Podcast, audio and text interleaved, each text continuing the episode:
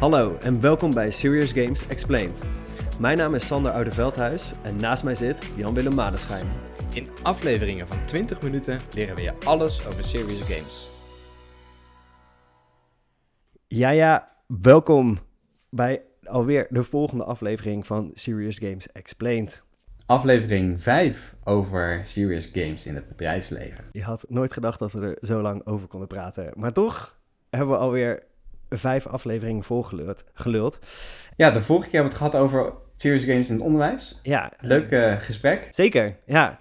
Ja, ook gewoon leuk over de, de toekomst, wat we er zelf in zien en waar het allemaal naartoe kan gaan. En ehm, ja, we, we, er zit natuurlijk ook een hele andere kant aan serious games.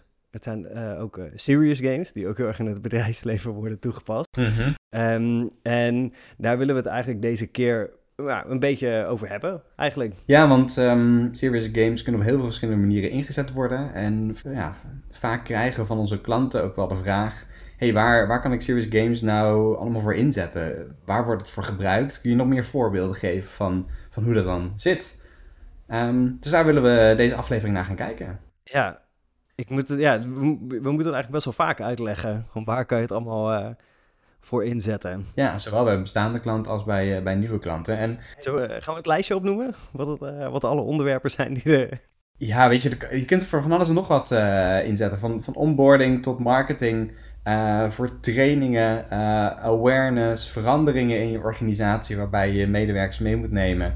Um, ja, eigenlijk elk onderwerp zou je wel een serious games over kunnen maken binnen, binnen bedrijf. Uh, we hebben zelf ervaringen met heel veel verschillende onderwerpen. En daar willen we jullie ook gewoon in meenemen en inspireren wat er allemaal mogelijk is. we zijn ook even gaan kijken naar wat, wat nou de rode draad is van wat games zijn ja, wat serious games in het bedrijfsleven met elkaar verbindt. Ja. Um, en wat we eigenlijk zagen is dat bij alle games, ik zeg alle games, bij de meeste games die gemaakt worden voor het onderwijs, dat daar een beetje een focus ligt op um, skills en vaardigheden. Ja, vaardigheden leren. Dus dat zijn dingen zoals uh, uh, rekenen, beter worden in rekenen. Nou. Uh, daar ook beter in worden. economie, dat um, dat begrijpen en daarmee aan de slag gaan. En bij serious games in het bedrijfsleven gaat het veel meer om gedragsverandering. En ja, veel vaker gefocust op gedrag, uh, verandering, vernieuwing uh, of het aanleren van, uh, van nieuw gedrag. Het aanleren van nieuw gedrag. En ook het, zeg maar, is het dan ook het, het verdiepen van bestaand gedrag? Ja, ja dus dat ja, zijn verschillende soorten doelen die je kunt hebben met zo'n serious game. Enerzijds kunnen ze in het bedrijfsleven worden ingezet om echt vaardigheden en kennis op te doen. Uh, maar wat je in het bedrijfsleven dus ook vaak ziet, is die focus op het gedrag. Ja, en uh, gedrag is vrij breed. Ja, dat klopt. Dat, gedrag is alles, toch? Eigenlijk. Ja. Vaak heeft het, heeft het een koppeling met het bedrijf, het gedrag. Dus bijvoorbeeld... Ja. Um... Je, had een mooi voorbeeldje, toch? Van um, de, de pizza's. Als we het dan over gedragsverandering hebben van Domino's Pizza's. Die hadden een mooi, een mooi spelletje gemaakt. Ik weet niet meer precies hoe het in elkaar zat. Maar ik probeer een beetje jouw geheugen te prikken om te zorgen dat, het, dat hij naar voren komt. Ja, ja. Uh, nou, bij, bij Domino's Pizza's is het gebruikt als een marketingactie om mensen meer pizza's bij Domino's te laten kopen. Waarbij je dus, waarbij ze eigenlijk gewoon een spel hadden gelanceerd waarbij je pizza's kon bakken. Uh, wat niet per se direct gelieerd leek aan Domino's, maar als je dan de pizza's had gebakken... Er uh, stond geen Domino's logo bij of een... Nee, volgens mij, volgens mij niet inderdaad. En het grappige was, als je dan die pizza's had gebakken, dan uh, kreeg je de aanbieding om die pizza die je had gebakken dan te kopen bij Domino's. Super grappig natuurlijk. Ja. En als je hem dan thuis bezorgd kreeg, dan kreeg je daarna de aanbieding uh, om bij Domino's te gaan werken. Want die zoeken natuurlijk altijd mensen. Je had net een pizza gebakken digitaal, vind je leuk. En opgegeten, nou, kom bij ons werken, weet je wel. Oh, wat tom. Dus dat is een dubbele, dubbel doel ook gelijk. Was het dan ook zo'n rechthoekige met afgeronde hoekjes pizza? Ik heb echt geen idee. ik, moet, ik moet het spel vinden. Ja, ja, dat is maar. Uh, uh, ik vond het wel een leuk voorbeeld. Want je, je had het erover tijdens de voorbereiding van de, van de podcast. Dacht ik, ah, dat is echt super vet. Maar er zijn uh, een hele hoop andere ja, gedragingen, zeg maar, die ook met um, Serious Games kan veranderen. En. Ja, ik vind het eigenlijk wel leuk. De vorige keer begonnen we met een, een eigen ervaring, gesteld door de vraag van Luc. Ja. Um, misschien kunnen we daar nu ook weer mee beginnen. Welke vaardigheden gebruik jij professioneel? Uh, of welke, welk gedrag heb jij, uh, wat, je, wat je nu professioneel gebruikt, heb je geleerd uit het spelen van een spel? Plannen. Ja? Ja, absoluut. Ik, ik dacht altijd dat ik plannen, uh, dat ik daar een hekel aan had. Mm -hmm. Ik wil zeggen haten, maar zover gaat het nou ook weer niet. Um, ik heb heel veel strategiespellen gespeeld. En daarbij gaat het gewoon om plannen. Ja. Je moet een productielijn opzetten. Je moet op een bepaalde tijd moet je dingen af hebben, zodat het allemaal optimaal gaat. En daar ben ik vrij goed in. Ik was dus nooit heel erg goed in het uh, real-life plannen. Maar op een gegeven moment bedacht ik, wacht eens even. Ik doe dit ook in al die games. Waarom doe ik dat niet ook in het echte leven? Wat zijn de stapjes? Dus dat is dan een vaardigheid die ik uit gamen uh, meer heb gehaald dan dat ik het van de alle trainingen en lessen en dat soort dingen. Ja, want je moet bij elk vak moet je plannen. Ja. Maar van vroeger, bij elke opdracht moet je gaan plannen. En ik vind het leuker om dat in mijn hoofd, zeg maar, gerelateerd aan gaming te doen dan aan de, uh, de daadwerkelijke materie. Dus dat hem wel, uh, dat is hem wel voor mij. En uh, jij hebt natuurlijk geleerd, uh, zoals je in de vorige aflevering hebt kunnen horen, hoe je mensen voor je moet laten werken om digitaal geld te verdienen. Uh, dat gaat hartstikke goed. Maar zijn er nog meer dingen die je geleerd hebt? Een stukje denk ik wel, wel ja, heeft misschien een beetje mee te maken met teambuilding en, en, en samenwerken. Ik speelde vroeger heel erg veel Call of Duty 4 schietspel, maar met een vast team. Speelde competitief. Uh, eigenlijk een soort teamsport zou je kunnen zeggen, alleen dan digitaal. Um, waarbij je dus ook heel erg op elkaar ingespeeld was. Vroeger was het nog niet echt, uh, werd het nog niet beschouwd als een teamsport. Maar je hebt nu gewoon, gewoon echt heel veel teams. Ja, tegenwoordig wel, weet je. Er wordt, net zoals voetbal wordt er echt uh, miljoenen mee verdiend. Oeh, dat is ook nog wel een keer leuk om te onderzoeken trouwens. Wie verdient er? Ja, voor, voetbal nog een keer. Ja, ja, ja. ja. uh, maar wat je natuurlijk leert als je een teamsport speelt, is, is snelle communicatie, leren van je fouten. Uh, ja. En er niet bij, bij inzitten, maar juist doorgaan. Um, dat leerde ik zowel met de teamsport die ik dan fysiek deed, als het uh, Call of Duty schietspel, zeg maar. Ja. Um, waarbij ook nieuwe tactieken, en dat vond ik altijd heel erg leuk, kun je van snel uitproberen. Je, we gingen niet uh, lang plannen, lang oefenen, maar gewoon direct uitproberen met de tegenstanders. Om te kijken um, of het een goede tactiek was en of het werkte of niet. En je kreeg heel direct feedback, en als het niet lukt ben je dood. Ja. um, dus dan, uh, ja, dat, dat vond ik erg leuk. En dat zie ik nu nog steeds terug in, in mijn werk. Ik ga gewoon altijd heel snel um, proberen iets in het echt te brengen. Om dan volgens te kijken, hoe werkt dit? Feedback te vergaren en weer terug naar de tekentafel. Gewoon snel prototypes maken en dat uitproberen. Hey, en als je het dan over feedback hebt, had je dan ook met je teamgenoten, zeg maar, dat je feedback naar elkaar gaf over hoe je het deed en uh, of, of dat je het goed deed? Of... Nou, dat, dat deden we denk ik nog minimaal. Maar als ik, als ik het nu zou vergelijken met hoe okay. ik het nu doe, ja. dan, dan is het wel heel minimaal. Maar ik denk wel dat daar um, de eerste stappen zijn gezet in uh, weet je, het ontvangen en geven van feedback. Ja, dat, dat kan ik me ook voorstellen. Als Ja. je constant met elkaar op Teamspeak zit of... uh, Ja, je wilt gewoon beter worden, weet je wel. Dus uh, dan moet je elkaar feedback geven. En dat gaat soms heel direct en hard en snel. Maar Ja. het is ook weer snel vergeten en dan ga je door. En dan ben je toch weer beter. Dus dat is wel, ja, leuk. Leuk. Ja. ja, dus dat zijn, ehm, als je dus naar die voorbeelden kijkt, zijn dat ja, twee dingen die wij gebruiken, die we uit gamen hebben gehaald. ehm, en nu ja, dus nog steeds inzetten. En ja, we willen, eh, om, omdat het onderwerp zo breed is, van alle gedragingen die er, eh, die er zijn, willen we jullie eigenlijk graag inspireren met ja, twee à drie voorbeelden van games die wij hebben gemaakt. ehm, om het gedrag van de spelers op een positieve manier te veranderen. Ja, ja klopt inderdaad. Ehm, leuk om te beginnen denk ik met een, met een spel wat heel erg abstract is eigenlijk. Ehm, een spel waarbij we ehm, mensen kunnen laten vastlopen, of spelers kunnen laten vastlopen in een verandering. Wat je vaak ziet bij organisaties is dat veranderingstrajecten ja, soms lastig of moeizaam gaan. Um, kan van al, allerlei redenen hebben, maar soms komt het gewoon voor dat, dat je in een verandering uh, zit in een organisatie en dat dat moeizaam verloopt. Um, en om op dat moment uh, daarmee om te gaan, haal je vaak uh, veranderingsmanagement organisaties of begeleiding in huis om met je medewerkers te gaan praten. En we hebben samengewerkt met zo'n veranderingsmanagement bedrijf. Change Kitchen, die uh, eigenlijk de vraag had hoe kunnen we met, met, met Serious Games nou zo'n traject makkelijker doorlopen en, en mensen uh, het goede gesprek mee aangaan. Want waar, waar liepen zij tegenaan? Wat was de... Nou, zij zijn eigenlijk altijd op zoek naar nieuwe en betere manieren om um, medewerkers uh, ja, uh, het, het gesprek aan te gaan met medewerkers om erachter te komen waarom het zo moeizaam gaat en wat, wat, wat er eigenlijk mis is of wat er aan de hand is. Um, eigenlijk intappen op die onderstroomgevoelens. Hè? Als je ja, raketten ja, ja. uitdeelt, dan denkt iedereen, iedereen, ja, het gaat wel goed, ja, het gaat wel goed, maar ze zeggen iets anders dan dat ze echt denken. En ook in dat soort gesprekken of in sessies of trainingen, ze zeggen iets, maar in die onderstroomgevoelens, um, daar zit de, waar echte... ze soms niet eens bewust van zijn, Um, daar kan de echte weerstand soms zitten. Ja, precies, want je bent op zoek naar de, de kern van de weerstand in een organisatie voor de verandering. Dus een vraagstuk was eigenlijk, hoe, hoe haal je de onderstroom naar boven? Ja, oké, cool. Ja. En hoe we dat hebben aangepakt is eigenlijk een spel ontworpen, waardoor mensen een, een bepaalde rol krijgen. Um, ja, dat is in het bedrijf ook zo, iedereen heeft zijn eigen rol. Ja. En op een gegeven moment verandert de omgeving. Dingen waar jij geen invloed op hebt veranderen, de wereld verandert. En bedrijven moeten mee, dus bedrijven veranderen ook. Ja. Maar je hebt nog steeds je rol. Ja. En het kan zijn dat door die veranderingen jouw rol ook moet veranderen. En dat is soms wel wat lastig. Zeker als je al heel lang in die rol zit en gewend bent in die rol te zitten. En het fijn en prettig vindt om in die rol te zitten.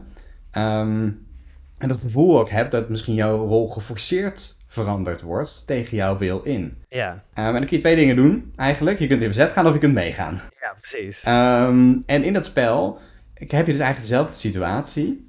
Dat je, je krijgt een rol toegewezen. Ieder, iedere speler krijgt een rol toegewezen.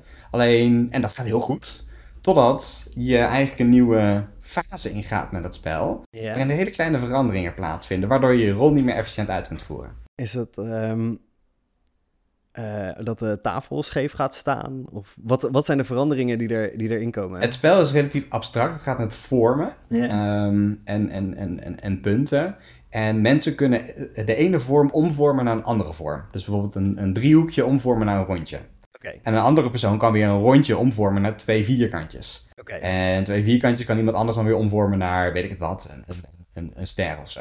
Dus iedereen heeft zijn eigen specialiteit. Iedereen die, heeft zijn eigen specialiteit. Die dan, ja, en die werken samen in een soort ja, bedrijfje. En dan moet je zoveel mogelijk punten verdienen. Want de ene vorm is meer punten waard dan de andere vorm. Um, alleen er komt opeens een nieuwe vorm. En niemand kan daar wat mee. Oh.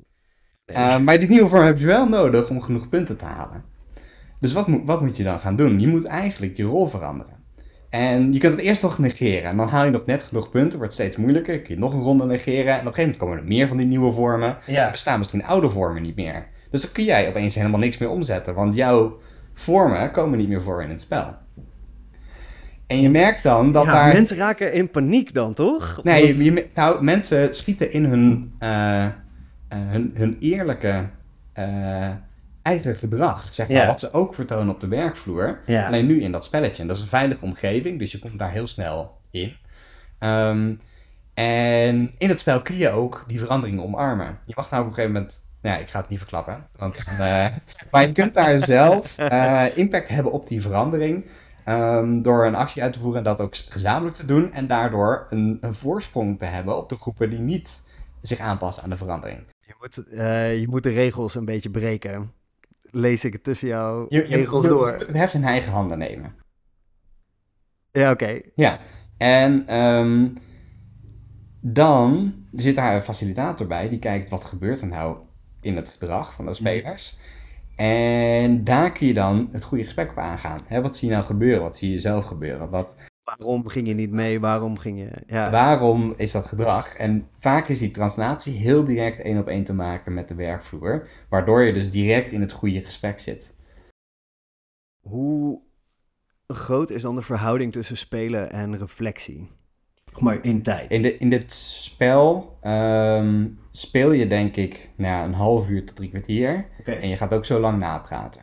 Oké. Okay. Um, en dat kun je, je kunt uh, dat napraten, hè, daar, daar zou ik meerdere sessies sowieso uh, op doen. Hè, dat, je, dat je een week er weer eens op terugkomt. Hè, dat, je, dat je points krijgt om, om eens te kijken naar, naar je week of naar je dag. En dan uh, een week later daar weer op evalueert. Ja, want op zich is het best wel kort napraten. Ja, je kunt het zo lang en kort maken als je zelf wil natuurlijk. Het ligt ook een beetje aan de groep wat er nodig is en natuurlijk waar ook de ruimte voor is in een bedrijf. Ja, en hoe... Ja, Maar je kunt al heel snel kun je al ergens komen. Ja, dat is, dat, is een, dat is een voorbeeld waarbij je eigenlijk een heel abstract spel hebt. eh, waardoor het heel makkelijk is om daarin te komen, makkelijk in je eigen rol te vormen is. Loop je vast in die verandering eh, en moet je daarmee leren omgaan. Ehm, en dat kun je transleren naar hoe het in het echt ook is. En dan, eh, als je het dan hebt over gedragsverandering, dan gaat het dus om het veranderen van het gedrag van de medewerkers in het opzicht dat ze flexibeler moeten staan naar de invulling van hun eigen rol. Ja, dat, dat, is, dat, is één, dat is één van, de, één van de redenen waarom je het kunt toepassen. Ja, want je kan het, omdat het zo abstract is, kan je hem op veel manieren toepassen.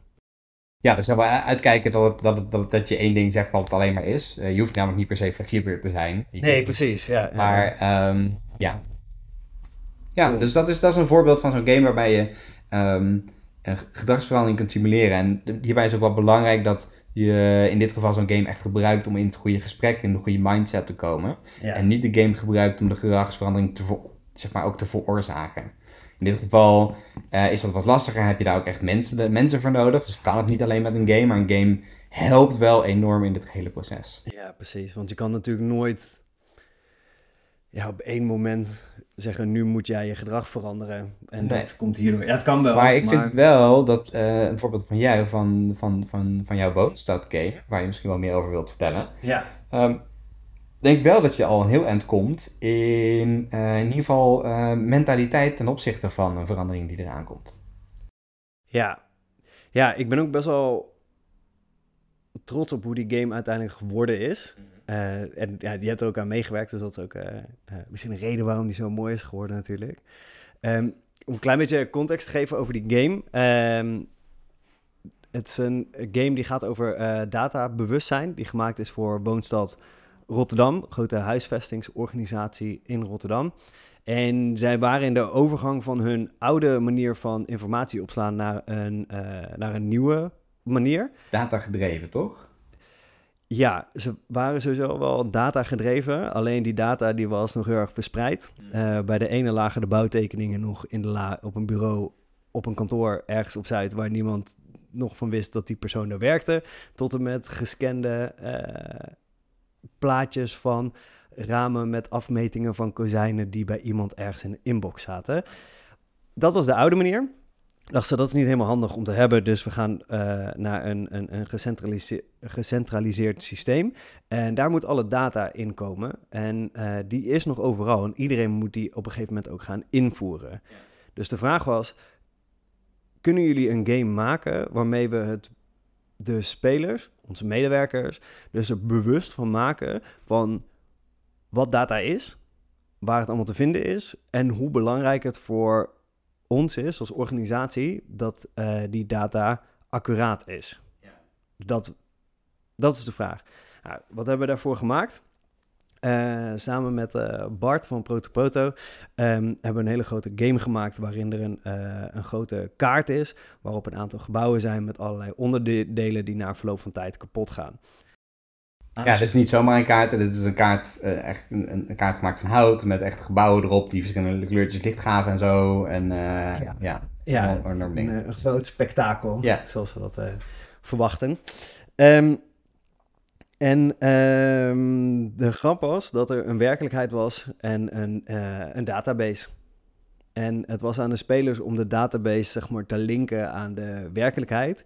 Dus om te, eh, in te voeren dat bijvoorbeeld de, de cv van een bepaald appartement op een bepaald moment gerepareerd was. Eh, als ze dat goed in de database neerzetten, eh, ging het hele proces tussen alle verschillende onderdelen werd soepeler en kwamen ze op een hogere score uit. In het kort. Het is een vrij complexe game. Ik ga hem niet helemaal uitleggen hier. Maar de kern is, er gaan dingen kapot. Ze moeten het repareren. Ehm, en als ze afgaan op, de, ehm, eh, op het... Op de, oude data die Ja. ze hadden, Exact. eh, wat niet helemaal representatief is of allemaal correcte data is, ehm, dan hadden ze heel veel moeite om alles op tijd te repareren. Ja, Ehm, en zag je dus dat die klanttevredenheid steeds meer daalde, omdat er ook foute eh, dingen gebeurden, en mensen onnodig langskwamen en zo. En hoe meer je die ehm, database aanpaste ehm, eh, aan, aan de werkelijke situatie die je kon vinden in de huizen.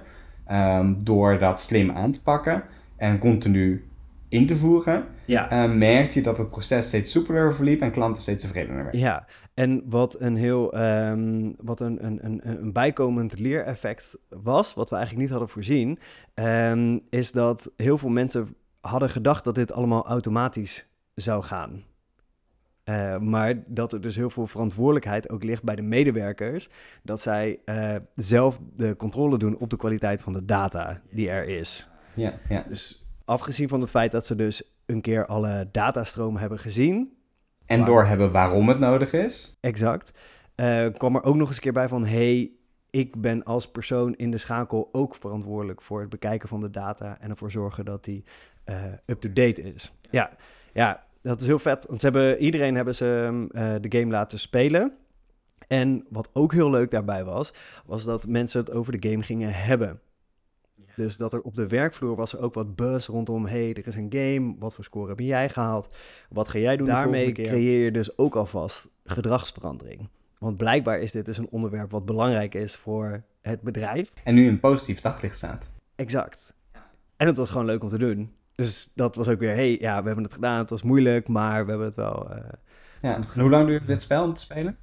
Ehm, een uur, volgens mij. Of nee, twee uur. Twee uur was die. Ja.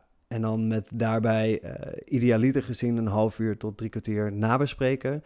Ehm, Duidelijk. ja. Ja. dat was het. Ja, dus het zijn twee voorbeelden. hè. Eén één, eh, waarbij je ehm, een, een, een spel heel abstract maakt ehm, en in kunt zetten voor meerdere situaties. Ja. Eh, wat gaat over gedrag en mensen in een goede eh, ja, mindset zetten. De andere is juist heel specifiek op één situatie toegespitst. Met heel specifieke onderdelen, met eh, heel herkenbare elementen uit hun dagelijks leven. Ja, waardoor het heel toegankelijk is en heel leuk is en herkenbaar is om te spelen. En eh, mensen ook dan veel dieper, dieper raakt. Maar ja, je moet het ook veel langer spelen. En het kost ook wel even om door te hebben hoe het werkt. Ja. Ja. Dus dat zijn twee hele mooie voorbeelden van games die, die gebruikt worden in, in het bedrijfsleven om aan de slag te gaan eigenlijk met, ehm, eigenlijk met, met, met, begin met kennis, maar daarmee ook nieuw gedrag stimuleren. Eh, en in ieder geval nade- laten nadenken over wat die veranderingen gaan zijn en wat voor een impact dat heeft op, op die persoon. Ja, en in het geval van een vrij specifieke game dan ook pushen richting inderdaad een bepaald gedrag. En dat belonen van, hey, dit, dit is voor ons als organisatie is dit prettig gedrag. En dit is mm, iets, dit willen we liever niet. Ja, Ja, zo, zo hebben we ook games gemaakt voor onboarding, voor awareness, ehm, recruitment. recruitment, Vaardigheden trainen. vaardigheden trainen inderdaad. Zelfkennis. Fun. Fun, ook een aantal. Ja, eh, zeker. Team, team, team spirit, samenwerken. Ehm, eh, ook heel leuk, eh, een game ontwikkeld eh, waarbij mensen echt uit, uit hun silo's moeten stappen. Als je heel veel verschillende silo's hebt binnen een organisatie die echt moeten samenwerken, maar eigenlijk alleen maar op een eigen eilandje zitten. Dat je ze eens een keer laat samenwerken en laat zien wat er gebeurt als je op het eilandje blijft en wat er gebeurt als je juist uit dat eilandje breekt. Met letterlijk dat silo's opengebroken moeten worden om dat nog Ja. kracht bij te zetten. We moeten ooit nog een game maken waarbij we een hele hal onder water zetten en zand erin gooien en letterlijk eilandjes maken. Om te kijken hoe dat... eh, We begonnen eh, deze aflevering dus met de vraag: waar kan je Serious Games allemaal voor inzetten in het bedrijfsleven? Het antwoord is overal voor. En eh, dat is heel fijn. Zolang het, maar ook een gevaar, eigenlijk. Want Ja. als je het overal voor wilt inzetten, dan kan het heel onduidelijk zijn wat nou je doel is met een game. Ja. En dat is altijd heel belangrijk. Heb een heel duidelijk doel. Formuleer samen een heel duidelijk doel waar, waar, waarvoor je het wilt inzetten. Ja. Dan heeft het het meeste resultaat. En dat doel is eigenlijk altijd hoog over gedragsverandering. Ja, eigenlijk wel. Ja. Waar kan, je, waar kan je het voor inzetten? Voor alles, als het maar gedragsverandering is. Ja, of specifiek dingen leren. Of specifiek dingen leren. Leuk, dat was hem weer. Ja, mocht je, eh, mocht je meer voorbeelden willen zien van serious games die wij gemaakt hebben, kun je een keer op onze websites kijken. Ja. Eh, raccoon.games of doorendoordesign.com. Ehm ja, daar zijn er ook wat, eh, wat beelden bij. Dan kan je misschien wat beter... eh, Video's en zo. ja, video's. Dan kun je een betere voorstelling maken van hoe het, er, eh, hoe het eruit ziet. Ik hoop dat we hiermee hebben geïnspireerd tot, tot ideeën wat je er allemaal mee kunt. Mocht je nog een leuke vraag hebben of een leuk idee voor een volgende aflevering, schroom niet om het ons te laten weten. En ja, dan, dan, dat was hem. We houden het hierbij. Beste luisteraars, dat was hem weer. Je hebt geluisterd naar Serious Games Explained. We hopen dat je dit met plezier hebt gedaan en er wat van hebt opgestoken. Heb je nou een vraag of wil je iets weten over Serious Games? En zou je in de uitzending willen komen? Stel ons je vraag via LinkedIn of stuur ons een mail. We horen graag wat je van deze aflevering vond via een review of een persoonlijk bericht. Tot de volgende.